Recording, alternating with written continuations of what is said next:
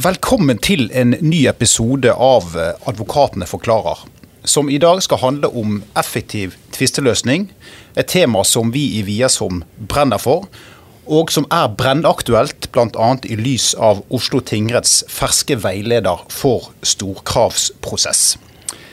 Mitt navn er Kristian Hauge, og med meg har jeg for, det første min kopilot og gode partnerkollega Hans Augunn Parman. Velkommen. Takk. Og videre så er vi så heldige i dag å ha en ekte Wiersholm-venn som gjest. Det er spesialistpsykolog Jan Ole Hesselberg. Takk for at du ville komme, Jan Ole, og velkommen. Takk.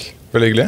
Før vi går tilbake til vår eh, hovedgjest, som er eh, Jan Ole, så starter jeg likevel først Hans Haugen, med et lite spørsmål. Altså, Hva betyr egentlig effektiv tvisteløsning? Ja, Vi tenker at effektiv tvisteløsning grunnleggende sett handler om to ting. Det ene er den operasjonelle siden, dvs. Si hvordan organiserer man arbeidet med en tvist internt overfor domstolene, og også i samarbeidet med klient, for å gjennomføre tvisten på en mest mulig effektiv måte, dvs. Si få et best mulig resultat til lavest mulig kostnader. Den andre siden av det, som er den vi skal snakke om i dag, er den strategiske dimensjonen. Og Dette handler om å ta de riktige beslutningene underveis i tvisteprosessen. Og I en tvistesak så må det jo tas en rekke beslutninger. F.eks. så må man jo bestemme seg for om man i det hele tatt skal gå til en sak. Skal man ta ut en stevning? Og underveis i, uh, underveis i saken så kan det jo ofte komme på, på, uh, på, bordet om man skal uh, forlike saken, og i tilfelle hvilket forliksbeløp skal man bli enig om. Og alle disse beslutningene har jo selvsagt stor betydning for klienten. Og En fellesnevner for disse strategiske veivalgene som må tas underveis, er at de i bunn og grunn handler om en vurdering av hvor sterk man mener at saken er.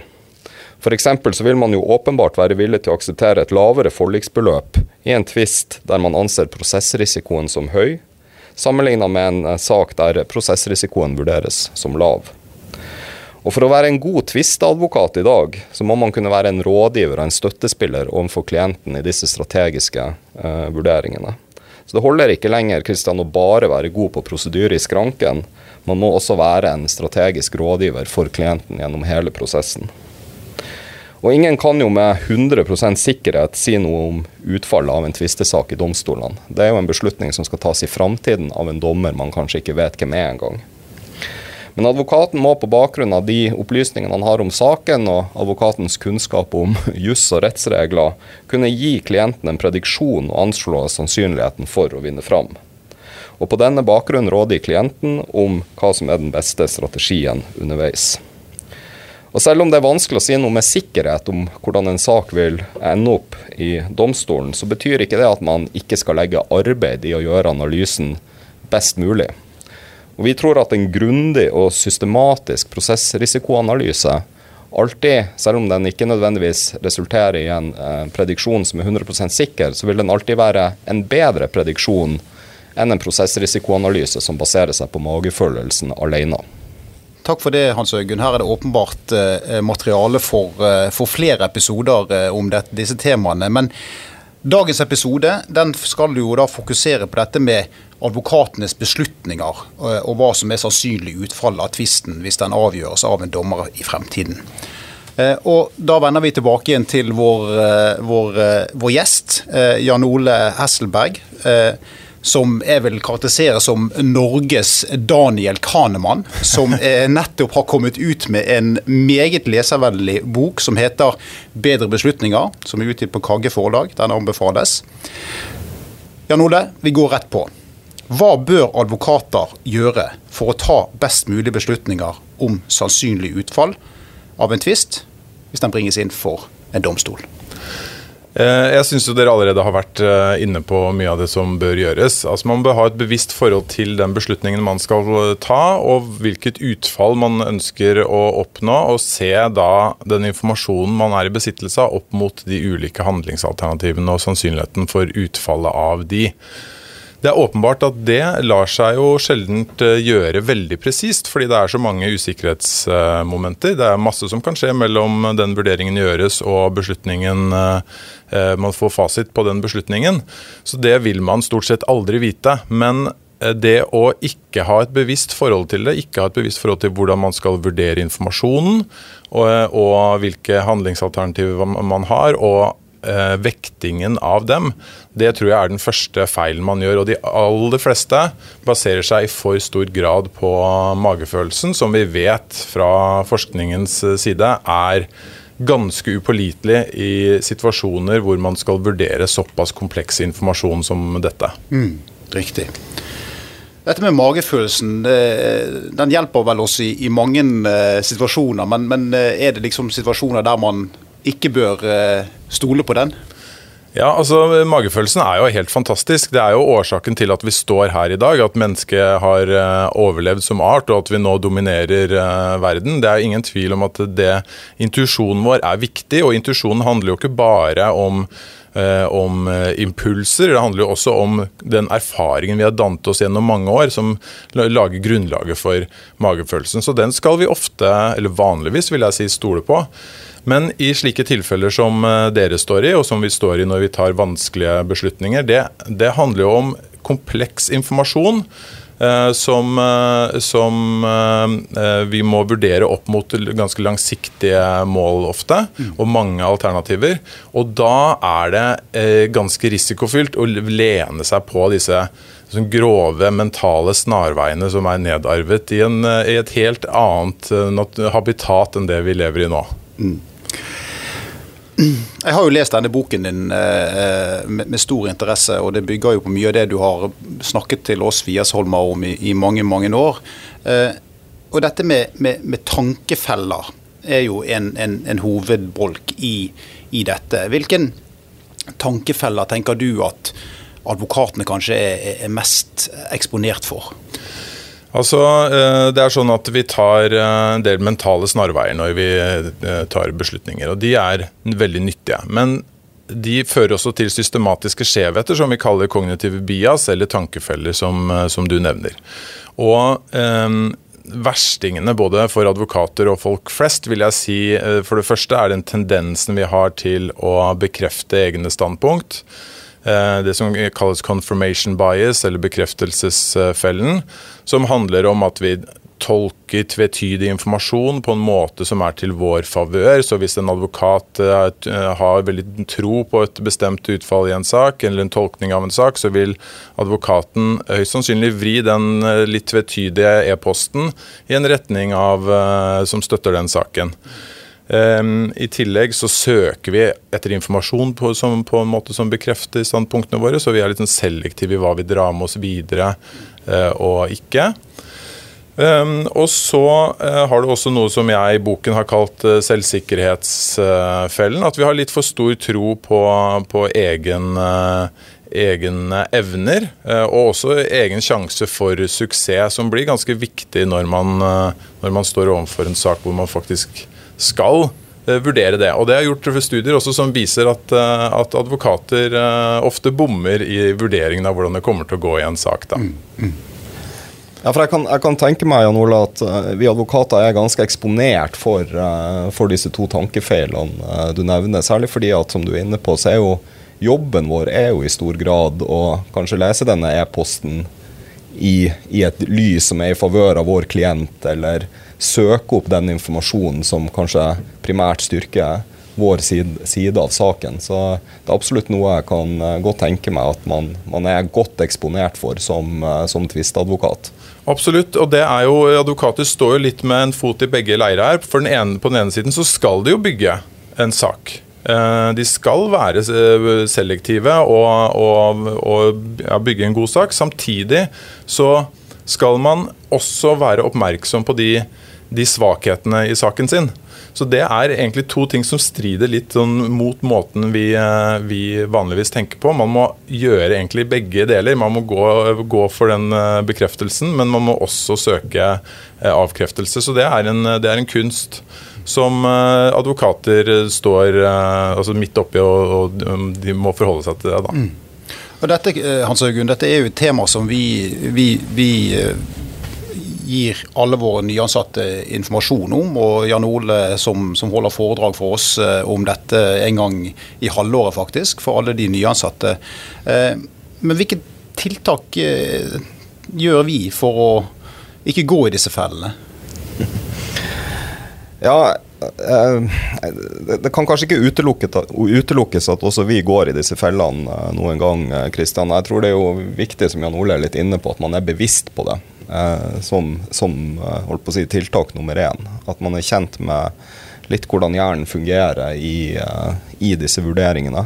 Men det er klart at ett en annen lavthengende frukt som, eh, som, jeg er opptatt av, er jo å ha denne systematiske tilnærminga. Dette med at man sørger for å få eh, organisert den inputen du har i saken, enten det er snakk om faktisk informasjon, altså bevismateriale, vitneforklaring osv., eller den rettslige siden av saken. At man får organisert og systematisert det på en oversiktlig måte. Sånn at man har alt foran seg når man gjør disse vurderingene, og at man ikke sånn som Jan Ole er inne på, at det ikke blir så lett å hoppe over den informasjonen som kanskje taler til, eh, til klientens disfavør. Um, og, og, det å ha en godt organisert sak fra, fra dag én gjør at det også blir enklere å absorbere ny informasjon inn i vurderinga dersom motparten f.eks. Uh, sent i prosessen legger fram et nytt dokument som vi ikke har sett tidligere at vi kan ta det inn som en del av liksom helhetsbildet og, og, puslespillet, uten at det bare liksom forsvinner i, i den store mengden av dokumenter mm. eh, som ofte er, er i saken. Mm.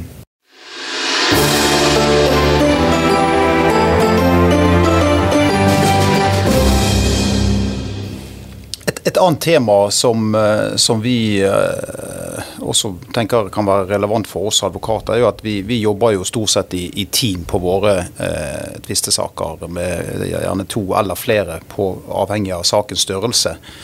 Um, og, og, I boken din så, så har du et, et, egen hovedbolk om dette med å ta beslutninger i grupper. Kan du si litt om hvilke mulige fallgruper som, som ligger i den settingen? Ja, det, det, er en del. Altså, min, eh, min, opplevelse er at mange eh, trekker litt på skuldrene over de tankefellene uh, og de utfordringene vi har med vurderingsfeil, fordi de sier at men uansett så møtes vi i grupper, og der, der, samles vi, og så får vi ulike perspektiver, og så jevner det seg ut. Og Så tolker man den enigheten som oppstår i en gruppe som et mål på at nå nærmer vi oss en presis og nøyaktig og god vurdering. Men forskning viser jo tvert imot at, at hvis man ikke gjør strukturerer gruppeprosesser på en god måte, så har de en tendens til å forsterke mange av de, eh, de feilene vi drar med oss eh, fra de individuelle vurderingene. Eh, og Det handler jo om som vi er kjent med, at det er ulike, det er andre ting som skjer i et gruppemøte enn vurdering av selve saken. Du forholder deg til andre mennesker. Du begynner å tenke på de, hva de tenker om dine innspill. Og I tillegg så er det ofte asymmetri makt i, i, gruppene, sånn at man blir ganske sånn sensitiv for hva den med mest formell eller uformell makt eh, sier. Og så sniker det seg også en, en del uh, feilvurderinger inn, som, som at vi i altfor stor grad antar at andre vet det vi vet. Så vi unnlater å dele viktig informasjon som kunne ha endret meningen til andre, fordi vi bare antar at, eh, at andre også vet det. Eh, som det kalles falsk konsensuseffekten. Og det er jo gjort mange fascinerende studier på hvordan vi tilpasser oss andre i grupper, og vi kan ikke anta at det eh, ikke skjer, selv i høykompetente grupper som, som dere sitter i, hvor, hvor, man er vant til å, å argumentere, så må man må man regne med at det også er en faktor, og man bør ta hensyn til det når man organiserer diskusjonen. Mm. Du har også et uttrykk som heter sosial loffing. ja. Det, det handler det, Man kan også kalle det unnasluntring. Altså når, når, ansvaret er plassert et sted, hvis det er en eh, partner for eksempel, som har ansvaret for en sak, så kan man regne med at de andre ikke legger like mye innsats i, eh, i den, å vurdere den saken. Eh, så det å distribuere ansvaret og sørge for å få inn kanskje vurderinger fra alle før man møtes, er en god strategi for å unngå den loffingen. Mm. Og det er jo noe vi prøver å, å leve etter. Altså dette med å diskutere ting i team tror vi er veldig viktig. Uh, vi tror at det er bedre vurderinger og beslutninger fordi ja, du, du, får da liksom den kollektive kunnskapen inn i, inn i, saken, men det er utrolig viktig at alle da gjør vurderinger på egen hånd, på forhånd, mm. tenker vi, mm. før man møtes. Uh, nettopp sånn at man ikke kan kanskje redusere noe av eksponeringa for gruppetenkning, og gjør også at sånn loffing eh, kanskje blir eh, no, noe mindre enn det det kanskje ellers mm. ville ha vært. Mm. Ja, men Det er helt riktig. og eh, Særlig er vi jo bevisst på dette når det kommer til det stadium at vi f.eks. skal sette en prosentsats på utfallet av ulike viktige spørsmål i saken. Så, så, har vi jo lagt opp til en strategi hos oss og en prosess som vi har jo lært også av Jan Ole i, i, sin tid, dette med blinding. At vi, at vi tvinger alle på teamet til å ta en, en, en, en, selvstendig beslutning om hva de mener, basert på, på det vi har samlet sammen av, av juss og, og, faktum. Um, og Det opplever vi i praksis er veldig, eh, veldig virkningsfullt og eh, enkelt tiltak for å gjøre. Det er jo det er en uh, tiltak som jeg er veldig uh, tilhenger av. Det må jeg bare si. Ikke bare fordi at man forplikter til en vurdering før man møtes, men også fordi at man da får et bedre innblikk i spredningen i vurderingene. Og Hvis den er veldig stor, så kan man aktivt forsøke å lete etter hva er årsaken til denne store spredningen. Og så kan man jo også da på sikt, hvis man hadde ønsket det, faktisk kunne måle eh, presisjonen. da, Hvis det blir en sak og man får vite hva man får i den saken f.eks., så kunne man målt eh, presisjonen i de vurderingene mm. og brukt de dataene på en annen måte. Så det, er, det burde langt flere eh, gjøre.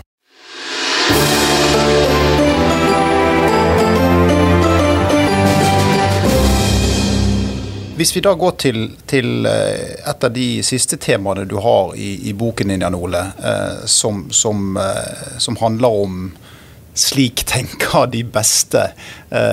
For, for, kan du si litt om hvordan de beste tenker? ja, jeg hater jo sånne overskrifter selv, egentlig. Men, men dette handler egentlig om et kjempestort forskningsprosjekt av en psykologiprofessor som heter Philip Tetlock ved, ved Princeton. Eh, som har pågått i 50 år nå. Han har fulgt eh, politiske og økonomiske eksperter og vanlige folk og bedt de predikere hva kommer til å skje i framtiden i verden. F.eks. blir presidenten i USA sittende ved neste valg eller ikke. Og Så ber han også de si hvor sikre de er i det. og Da kan man måle eh, hvor godt man treffer i de prediksjonene sine. Eh, og det han har funnet ut, er jo at eksperter som vi ser på TV, treffer eh, eksepsjonelt eh, dårlig. De selekteres nok for litt sånn skråsikkerhet som ikke er så veldig heldig. Men så har han også funnet ut noen mennesker som gjør det bemerkelsesverdig bra over tid, som han kaller super forecasters. Og de har noen egenskaper som jeg tror vi alle, alle kan lære av. og Det ene er at de er de samler mye informasjon. De er veldig strukturerte i informasjonsinnsamlingen. Det er som dere har vært inne på her, at de, de, strukturerer det. De forsøker å ikke lage masse hypoteser mens de leser informasjon. De samler informasjon, og så eh, lager de mange tanker om hva det riktige svaret eh, kan være. Mange alternativer. Og vekter de litt eh, mot hverandre før de lander på en, eh, på en konklusjon som de setter på prøve, som de prøver å finne svakheter ved, for å plukke litt fra hverandre. Eh, og de er, eh, de er aldri skråsikre på noen ting. Det kan man ikke være i en uforutsigbar verden. Eh, og så endrer de meningene sine eh, hele tiden. Mm. Så de justerer anslagene sine eh, veldig ofte når det kommer ny informasjon. Uh, ting som vi vanligvis ikke er så veldig vant med rundt oss. Det er ganske mange som står hardt på meningene sine, og som forsvarer dem uh, nesten uansett hva man blir eksponert for av informasjon. Har, har, du noen konkrete tips? Altså, du, har jo, du har jo hatt foredrag for dommere, du har uh, hatt en del kontakt med advokater. Er det noe som du tenker er liksom en lavthengende frukt for, for vår profesjon for å bli en super forecaster? Jeg tror altså Det enkleste tipset som, som, uh, som, finnes, er et grep som kalles på engelsk dialectic bootstrapping, men som er, det er veldig et veldig enkelt grep. Når du nærmer deg en konklusjon i saken din, så bør du tenke jeg kan ha blitt rammet av disse vurderingsfeilene som vi har hørt om nå. Og så bruke eh, ti minutter, et kvarter, på å finne svakheter eh, ved saken din.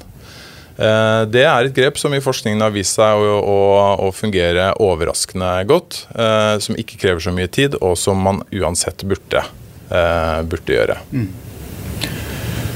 Men Jeg har jo lest litt om, om han Tetlock, og det er vel dette med, dette med grundigheten i informasjonsinnhentingen er vel kanskje igjen tilbake til det vi snakket litt om i sted. Et, et, veldig, viktig, eh, et, et veldig viktig fundament for å bli en super forecaster. Absolutt. Jeg tenker Det å strukturere informasjonen, eh, informasjonen, man henter inn, og også forsøke å holde tilbake med å generere hypoteser om hva man mener er mm. det riktige å gjøre. Holde, holde tilbake den impulsen. Mm. Det, det, er også et uh, nyttig grep. Mm. For det vi, det vi, gjør Hans Øygunn, i, i, våre tvistesaker, det er jo at vi vi, vi, bruker det vi, kaller som en faktummatrise, som også har funnet sin vei inn i, denne veilederen for storkravsprosess eh, som, et verktøy. Eh, der vi legger alle hendelser og, dokumenter i, i, kronologisk rekkefølge. og, rett og slett og, og i den prosessen sier at man må utsette hypotesen om hva som er riktig historie, til man har fått det fulle, hele bildet i, i tida, sånn som det har utspilt seg. Mm. Og, og, vår erfaring med det er vel eh, ja, veldig veldig positiv. Altså, det er et veldig kraftfullt verktøy for å komme frem til, til hva som har skjedd, og hvorfor. Ja, og jeg, jeg, tror bare det å tenke struktur i vurderings- og beslutningsprosessene sine, det er, det er syndeste eh, altfor ofte. Og det er klart at Noe av det aller viktigste man kan starte med da, er nettopp den informasjonen man skal bygge beslutningen på. Så Det bør, det bør gjøres grundig og strukturert. Ja, Tusen takk for det, eh, Jan Ole. Eh, og tusen takk for at du hadde tid til å komme hos oss. Jeg har jo en annen favorittpodkast som heter Wolfgang We Uncut. Eh, og der hadde han Thomas Gjertsen som, som gjest. Eh, og litt ute i podkasten så, så, eh, anbefalte Thomas Gjertsen eh, Wolfgang å invitere Jan Ole Hesselberg til studio. Vi slo Wolfgang, så vidt jeg vet. men, men, jeg håper at han plukker opp at vi får høre en langversjon av Jan Ole Hesselberg sin 'Bedre beslutninger', som er utgitt på Kagge forlag, som anbefales til alle som vil bli litt klokere om hvordan man gjør dette på en best mulig måte. Så takk til deg, Jan Ole, og takk til dere som har lyttet på Advokatene forklarer. Skal du få med deg neste episode og episoden etter det, så må du abonnere på denne podkasten. Takk for oss.